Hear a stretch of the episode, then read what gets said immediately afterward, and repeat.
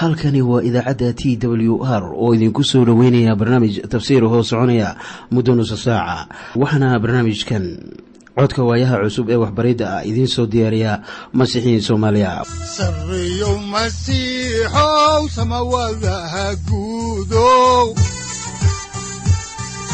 Siraadkii adduunkow subanaha eebow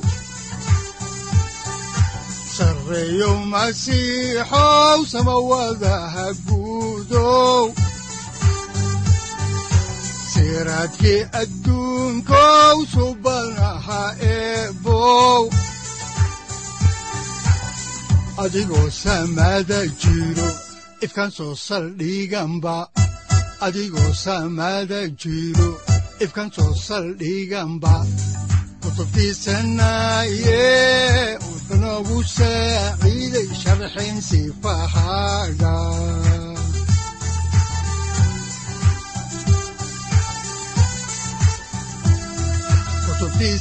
kutubtiisinayow ebnagu saaciid sharxin sifahaaga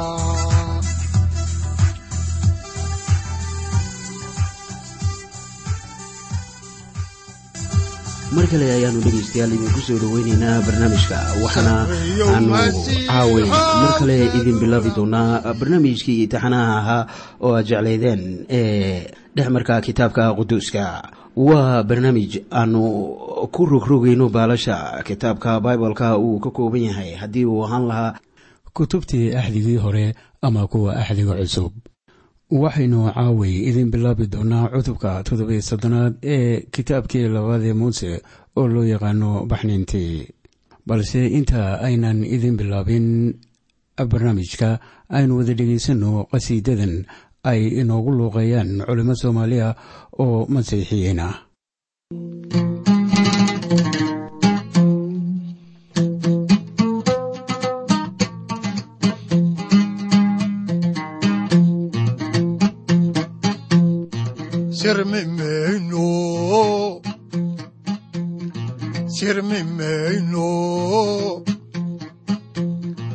sirmi mayno sifiihi masiixan subax walba ku soconayo sirmi mayno sirmi mayno sirmi mayno sirmi mayno sifiihi masiixan subax walba. Ku soconayo sirmi mayno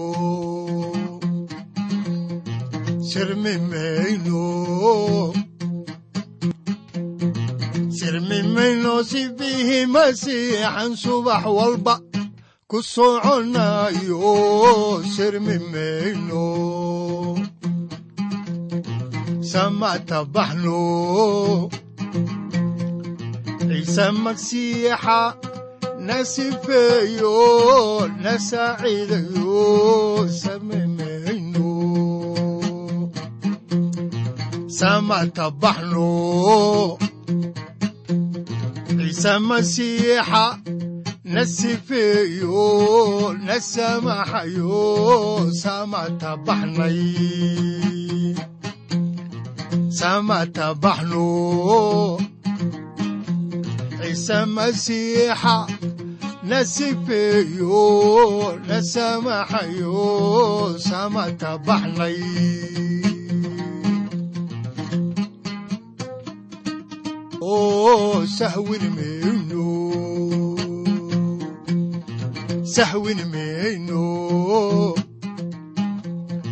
sahwin mayno sahwin mayno salada alloon saacadda laxiin saxartiirno sahwin mayno samata baxno ciise masiixa na samaxayo na sifeeyo markii noogu dambeysay dhegaystayaal waxaanu soo koobnay cutubka lixiyo soddonaad oo aynu ka soo xiganay dhowr aayadood. Waxa uu cutubkan ka hadlayay dhismaha taambuugga waxaanan ku soo ekeynay aayaddii sideedaad markaasoo qorniinku uu lahaa oo nin kasta oo xigmad leh oo iyaga ku dhex jiray oo shuqulkii qabtay.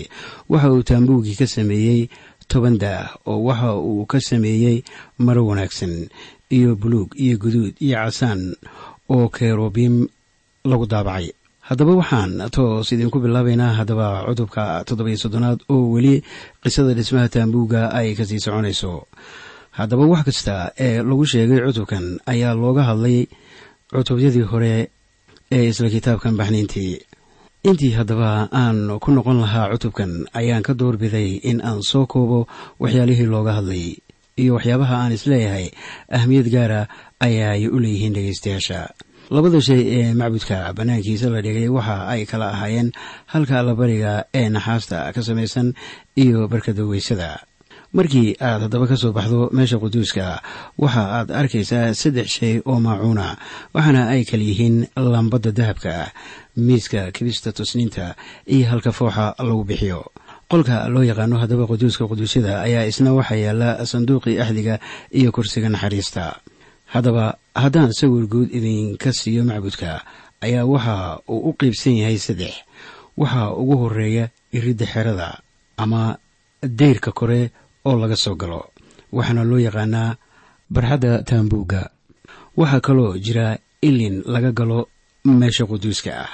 Ilinka saddexaadna waa halka laga galo qolka loo yaqaano quduuska quduusyada halkaasoo sanadkiiba mar uu galo wadaadka sare waana bisha toddobaad maalinteeda tobnaad oo loo yaqaano yom kibuur ama maalinta weyn ee kafaara gudka. Sida aanu haddaba ku arki doonno kitaabka laawiyiinta waxa uu haddaba halka ku rushayn jiray dhiig halka loo yaqaano kursiga naxariista. Waana dhiigga tan ka dhigtay kursiga naxariista. Haddaba alaabada macbudku taalla haddaan idin dul maro ayaa waxa ay ka kooban yihiin toddoba. Kuwaasoo marka la eego ina siinaya sawir caaqibo leh halka allabariga naxaasta ayaa waxa ay ka hadlaysaa isku tallaabtii masiixa halkaasoo aynu ku helayno cafiska dembiga barkadda weysada ayaa iyana waxa ay ka hadlaysaa xaqiiqda ah in masiixu dhaqay ama mayray kuwiisa. Barkadda waa halka aynu ku qiranayno dembiyada oo ku helayno saamaxadda iyo daahirinta. Meesha quduuska waa goob wax lagu caabudo. Waxaa ku dhex jira iyana meesha quduuska ah laambadda dahabka oo u taagan masiixa oo isagu ah iftiinka dunida. Waxaa kaloo meesha quduuska ah yaalla miiska kibista tusniinta oo sawiraysa in masiixu yahay kibista nolosha ee aynu quudanayno. Halka lagu bixiyo haddaba qurbaanka fooxa ayaa u taagan salaad. Waxa ay sawiraysaa in masiixu uu yahay dhexdhexaadyaheenna warqaddii cibraaniyada markii uu ka hadlayay qoruhu ayaa waxa uu dhex keenay idanka quduuska quduusyada. Mase ahan meesha quduuska ah oo kitaabka baxnayntii uu inoogu sheegayo. Waayo dhexdhexaadyahayaga wuxuu haatan joogaa samada. Laakiin isla warqaddan ayaa idanka qurbaanka fooxa waxaa laga saaray quduuska quduusyada si aniga iyo adigaba aynu halkaa ku tagno. Haddaba wax waliba oo dhex yaalla macbudka waxa ay leeyihiin fasiraadooda goonida ah dad socda oo carruur iyo waayeel iyo dhallinyaro iyo dumar uur leh iyo kuwo jiranba ay ku jiraan. Sideebay cunto ku helayaan? Haddaanu ilaah quudinaynin. Suuragal maahayn haddaba in nafar ka mid ah uu soo gaaro dhammaadka safarkoodii ay ku socdeen ama ay ku sii jeedeen dhulkoodii haddaanu ilaaha baaqiga ahi la soconin israa'iil weli waxaanu ku jiraa haddaba maacunta laga helo meesha quduuska. Waxaa kaloo qolka loo yaqaano meesha quduuska ahi yaalla halka laga bixiyo fooxa waxaana sidaanu horey idinku soo sheegnay ka hadlaysaa in ciise yahay dhexdhexaadyaheenna oo haatanna uu joogo samada sare.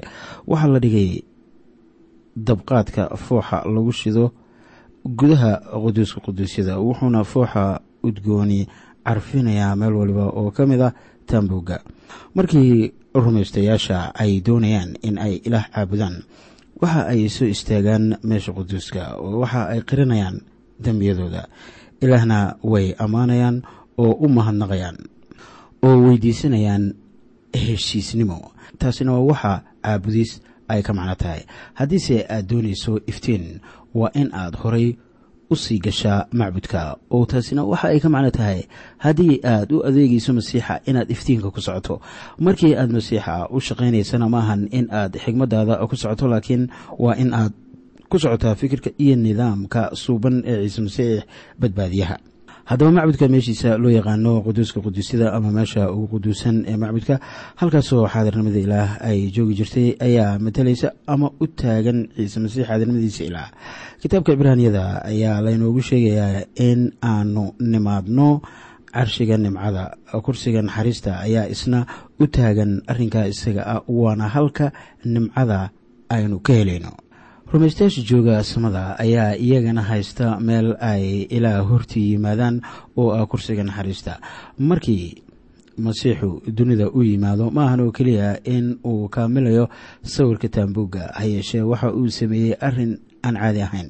Taambuugga cidlada dhulka ayaa uu ku fidsanaa waxaana laga dul dhisay dhul siman iyadoo tiirarkiisa iyo looxyada lagu qaadaba lagu cabiray qabsatooyinka ay dhexgelayaan markiise ciise yimid dunida inuu bixiyo qiimaha dembigeenna gesgees ayaa uu ka dhigay hawsha oo isaga sare ayaa loo qaaday.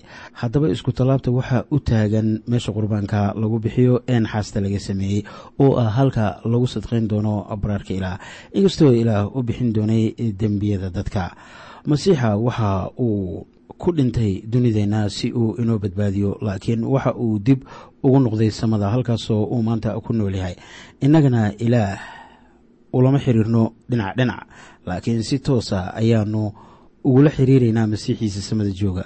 Waxaa rasuul boolos leeyahay sida ku qoran warqadiisii koowaad timoteos cutubka labaad aayadda shanaad markaasoo uu lahaa waayo waxaa jira ilaah iyo dhedhexaadiye keliya oo u dhexeeya dadka iyo ilaah. Haddaba halkee baad joogtaa maanta saaxiib markii aad eegto macbudka ma waxaad u baahan tahay inaad hor istaagto halka allabariga lagu bixiyo oo aad badbaado waxaa jira kuwo badan oo u baahan in ay ilaa hor yimaadaan oo la badbaadiyo. Adiga haddaba ma tahay qof masiixi ah oo murugoonaya oo doonaya in dembigiisii la cafiyo oo lagu daahiriyo barkada weysada. Mise weli gudcur baad ku jirtaa soo gal meesha quduuska ah waxaana aad ku soo dhowaataa halka ay taallo laambadda dahabka ah. Waxaa suuragal ah in noloshaadu dhibaataysan tahay oo aad u baahan tahay in aad quudato kibista nolosha si aad ku hesho nafaqada ruuxa. Waxaa suuragala haddaba in baryadaadu ay yar tahay. Miyaanay habboonayn markaa inaad timaado halka fooxa lagu shido si aad ilaah wax badan u ammaanto. Haddaba tag halkaa si naxariis aad ku hesho maanta oo welibana nimco iyo caawimaadna aad u hesho oo waxaad qaadataa caawimaadda adiga ku sugaysa ilaa waxa uu doonayaa in uu ku barakeeyo oo uu ku hogaamiyo. Haatanna waxaanu intaa ku soo ekeynaynaa dhegeystayaal cutubkii toddobiyo soddonaad oo aynu soo koobnay maadaama uu ka koobnaa qiso aynu ku baranay barnaamijyadii hore. Haddaan iminka u soo gudo galno haddaba cutubka xiga ee ah cutubka siddeed iyo soddonaad ayaanu ku bilaabaynaa mawduucyada uu ka kooban yahay oo kale ah halka lagu bixiyo qurbaanka gubniinka barkada weysada barxadda taambuugga iyo intii dadku ay bixiyeen oo laynoo sheegi doono ha yeeshee weli waxaanu ku jiraa mawduucii taambuugga. Ka hadlayey haddaba ka bilaabataa cutubka shan iyo labaatanaad ayaanu ku bilownay sida macbudka loo dhisayo waxaana layna siiyey ama laynoo siiyey si tafaftiran cutubkan siddeed iyo soddonaad ee kitaabka baxniintii weli basaleel ayaa howshii wada oo cutubkan waxaanu arki doonaa in ay gabagabo tahay shaqada taambuugga ama macbudka reer binu israa'iil ay ilaah ku caabudi jireen. Cutubkan fiiro gaara ayaa uu siinayaa barxadda macbudka ama taambuugga sida aynu ku arki doonno kitaabka tirintii reer binu israa'iil waxaa hogaaminaya ama hogaamin jiray daruur sida tiir oo kale ah oo samada sare ka imanaysa. Markii daruurtu ay macbudka ka kacdo reer binu israa'iilna way guurayaan ama kacayaan. Markii ay istaagtana way istaagayaan. Oo waxa ay dhisanayaan macbudka reeruhuna way degayaan. Waxaana dadka hor soconaya wadaadada reer laawi oo sanduuqa axdiga uu garbaha u saaran yahay. Oo sanduuqa axdiga ayay wax waliba ee kale ee taambuugga caabudistu uu ka kooban yahay ku wareejinayaan. Oo sidaan horey idiinku soo sheegnay. Sida sariiraha barandada ah ee laysku labanlaabo ama loo laalaabo ayaa la isugu laalaabi jiray macbudka ama taambuugga waxyaabaha uu ka samaysan yahay iyadoo uu sanduuq axdigana uu dhexda ku jiro. Waxaana la gelinayaa laba alwaax oo quraca laguna dahaaray dahab. Afar nin oo xoog leh ayaa garbaha ku qaadaya raggaasina waa wadaadada rabbiga ee qabiilkooda uu ahaa reer laawe waxaa ku wareegsan sanduuqa axdiga harag adhi dibadeedka waxaa kaloo ku wareegsan hargihii la caseeyey iyo dhogortii oo sanduuqa waxaa laga ilaalinayaa qoraxda quruxda macbudka haddaba waxaa la arkaa markii aad gudihiisa ku jirto. Wax waliba oo macbudka ku jira waxa ay leeyihiin ahmiyad isugu jirta cibaadaysi iyo caabudis ilaah iyo barako uu helayo qofka wax caabudaya. Barxadda taambuugga. Waxaa dherarkeeda uu ahaa boqol dhudhun ballarkeeduna konton dhudhun habase yeeshee waxaa barxadda ku yaalla halka qurbaanka lagu bixiyo iyo barkadda weysada waana barxaddan halka dembiga wax looga qabto. Qofka markii uu iska soo galo iridda waxa uu toos u imanayaa labadaas meel. Marka hore waa in uu isdaahiriyo dabadeetana dembigiisii wax u bixiyo. Waxaana hagaya qofka wadaadada reer laawi. Wadaadka qudhiisa waa in uu isdhaqo ama isdaahiriyo intaanu gelin meesha quduuska. Haddaba meesha quduuska waxaa looga tegayaa laambadda dahabka miiska kibista tasniinta iyo idanka fooxa lagu shido. Waxaana ay iyaga oo dhan ka wada hadlayaan caabudis waxaa macbudku leeyahay ilxidh kala qaybinaya labada qol ee macbudka ama taambuugga. Qaybta haddaba loo yaqaano quduuska quduusyada waa halka sanduuqa axdiga u yaallo. Waxaa kaloo yaalla kursiga naxariista waxaana halkaa loo ogolaa wadaadka sare oo keliya in uu sanadiiba margalo isaga oo bixinaya allabari maalinta loo yaqaano yom kibowr ama maalinta kafaara gudka waxaanse ku bilaabaynaa maadada ugu horeysa ee khusaysa halka lagu bixiyo qurbaanka gubniinka. Waxaan ku bilaabayaa haddaba meeriska cutubka sideed iyo soddonaad aayadda koowaad waxaana qorniinku uu leeyahay oo meeshii allabariga lagu gubi lahaana wuxuu ka sameeyey qori qurac ah oo dherarkeedu wuxuu ahaa shan dhudhun ballarkeeduna wuxuu ahaa shan dhudhun afar geesood bay ahayd sarajooggeeduna wuxuu ahaa saddex dhudhun. Haddaba meesha lagu bixiyo qurbaanka gubniinka ayaa waxa ay ahayd halka dembiga wax looga qabto oo weliba xukun loogu soo dejiyo. Xayawaan ayaa gelaya haddaba booskii dembiiluhu uu lahaa. Haddii markaa cidi ay dhisto meel kale oo aan ahayn meeshan allabariga wuxuu la kulmayaa ciqaab daran waayo tubta ilaah sameeye waa tubtan waana tan qofka dembiilaha ah dembigiisi uu wax u bixinayo. Si dembigii uu galo loo daboolo. Xayawaanku ma qaadi karo haddaba ama ma qaadi karin dembiga qofka laakiin wuu daboolayaa. Wuxuuna ahaa astaan tilmaamaysa imaanshaha masiixa. Haddaba ansax noqon mayso salaad iyo caabudis ilaa qofku yimaado halka qurbaanka guban lagu bixiyo mooyaane geesaha halka qurbaanka guban lagu bixiyo ayaa waxa ay ka hadlayaan ama u taagan yihiin xoog. Howlaha looga adeegayo meesha qurbaanka guban lagu bixiyo ayaa lagu sameynayaa weelal iyo saxamo u gaara iyo welibana qabsatooyin u gaara. Howlahaasoo dhan waxaa loo qabanayaa si xal loogu helo dembiga. Haatanna aynu egno maadada kale ee khusaysa barkadda weysada haddaan horey idinku sii wado haddaba dhegeystayaal meeriska cutubka siddeed iyo soddonaad ee kitaabka baxnayntii ayaan iminkana idiin akhriyayaa. Cutubka siddeed iyo soddonaad aayadda sideedaad waxaana qorninku leeyahay sida tan. Oo barkadda weysada iyo salkeedii waxa uu ka sameeyey naxaas taasoo laga helay muraayadihii dumarka ka adeegi jiray teendhada shirka irideeda waxaa laga sameeyey haddaba muraayadaha naxaas aad loo dhalaaliyey si ay dumarka oo lagu yaqaano in ay quruxdooda xoogga saaraan ay ilaah wax ugu bixiyaan waxaana ay ka door bideen miraayadahoodii laysku fiirfiirinayey oo muhiimka u ahayd inay maalin waliba arkaan bilicsamidooda inay ilaah howlihiisa u huraan. Waxa markaa ay ku tusaysaa hablihii reer binu israa'iil ama dumarkii reer binu israa'iil in ay doorteen ilaah oo ka doorteen wax waliba waayo qofka dumarka ah waxaa wax waliba kaga muhiimsan quruxdeeda. Haddaba maraayaddu ma goyso wasakhda laakiin way muujisaa. Waxaana taasu ay u taagan tahay in sharciga dembiga uu muujiyo laakiin aanu wax badbaadin. Waxaa qoraha warqadda cibraaniyada uu leeyahay sharcigu hooska waxyaalaha wanaagsan laakiin sharcigu ma aha wax wanaagsan marka uu xukun ridayo. Sharcigu waxbuu dhaawacaa oo dilaa oo xukumaa. Marka waxaa jira berked biyo dhiig laga buuxiyey oo ka yimi xididada iyo halbowlayaasha emmanuel oo dembiilayaasha dhex maquuraa waxa ay aqbalayaan wixii ciise uu sameeyey. Ee ninkaasu waxa uu ka badbaadayaa waa kan a d masiixa. Wixii uu bixiyey u aamine e eedii loo haystay.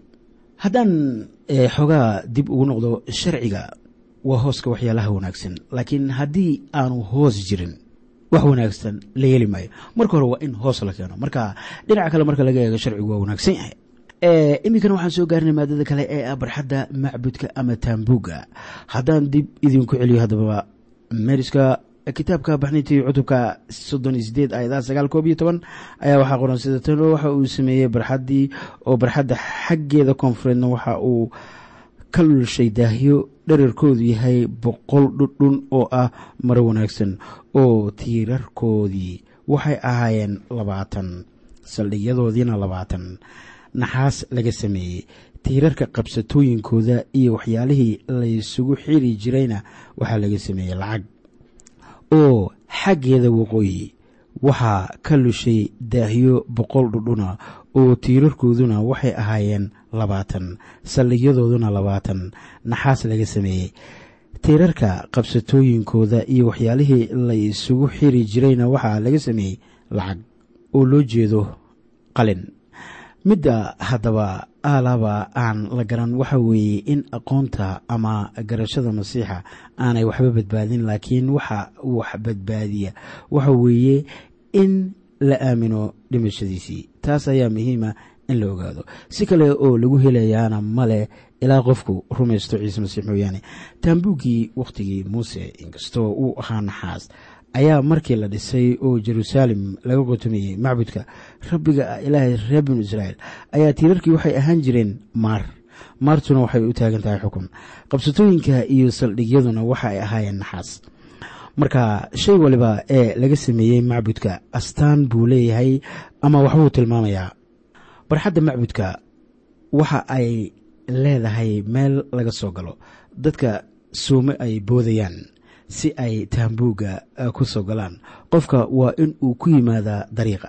Dariiquna waa ciise masiix haddaan horey idinku sii wado haddaba meeriska cutubka sideed iyo soddonaad ayaan idiin akhriyayaa aayadda sideed iyo tobanaad. Waana kitaabka baxnintii waxaana qorniinku uu leeyahay sida tan oo daaha barxadda iriddeeda waxa uu ahaa wax daabacan oo ah buluug iyo guduud iyo casaan iyo maro wanaagsan oo dherarkiisuna waxa uu ahaa labaatan dhudhun sarajoogiisuna waxa uu ahaa shan dhudhun oo u dhigma barxadda daahyadeeda midabada quruxda badan waxa ay matalayaan masiixa ilaah. Waxaan filayaa markaa inaan soo gaarnay. Haddaba guntii iyo gabagabadii barnaamijka maanta. Habase yeeshee waxaan filayaa inaad ka bogateen sida loo dhisay taambuugga halkaasoo ilaah reer binu israa'iil uu dadkiisa kula jiri jiray kuna hogaamin jiray. Markii dambena waxaa macbudkii laga taagay yeruusaalem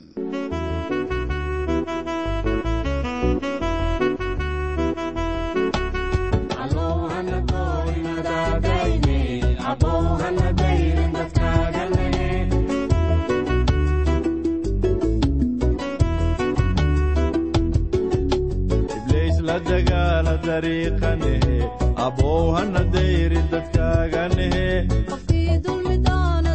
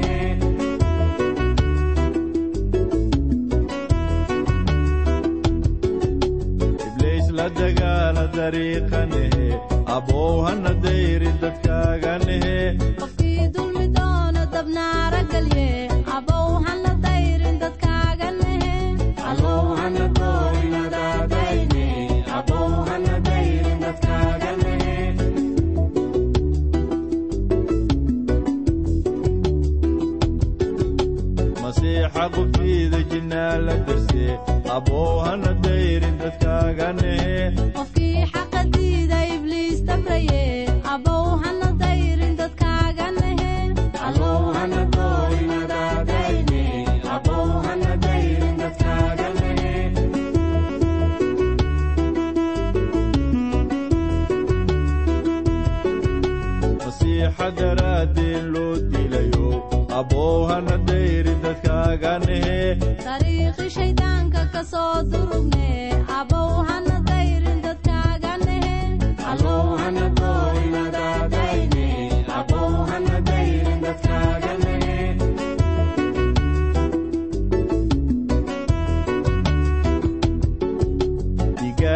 daadshana daahiriye abow hana dayrin dadkaaganehe dabiibkii nafteenna ayaad noqote abow hana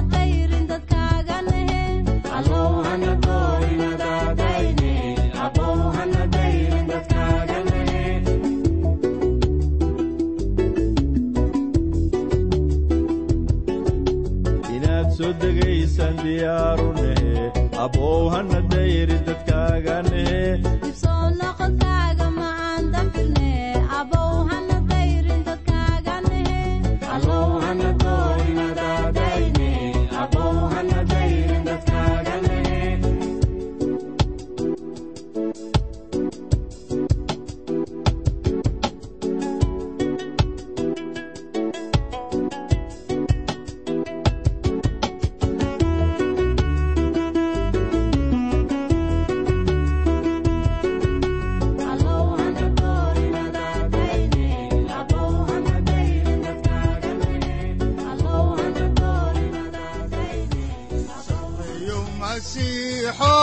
masiixow samawadaha guudow siraadkii adduunkow subanaha eebow adigoo samada jiro ifkan soo saldhiganba adigoo samada jiro ifkan soo saldhiganba kutubtiisanaye udbanogu saaciiday halkani waa t w r idaacadda t w r oo idinku leh ilaa ha idin barakeeyo oo ha idinku anfaco wixii aad caawi ka maqasheen barnaamijka.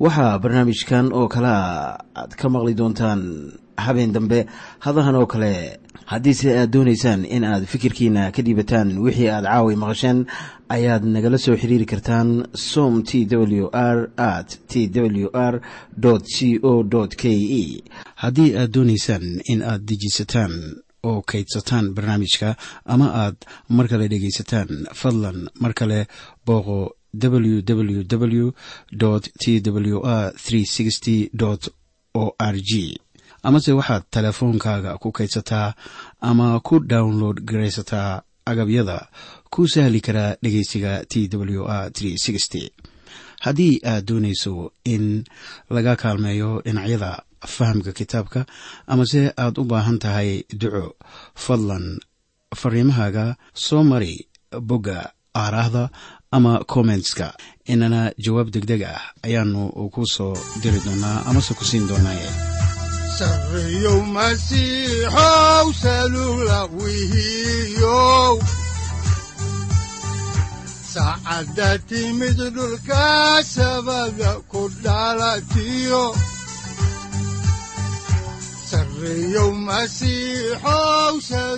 halkani waa t w r oo idiin rajaynaya habeen baraare iyo barwaaqaba leh.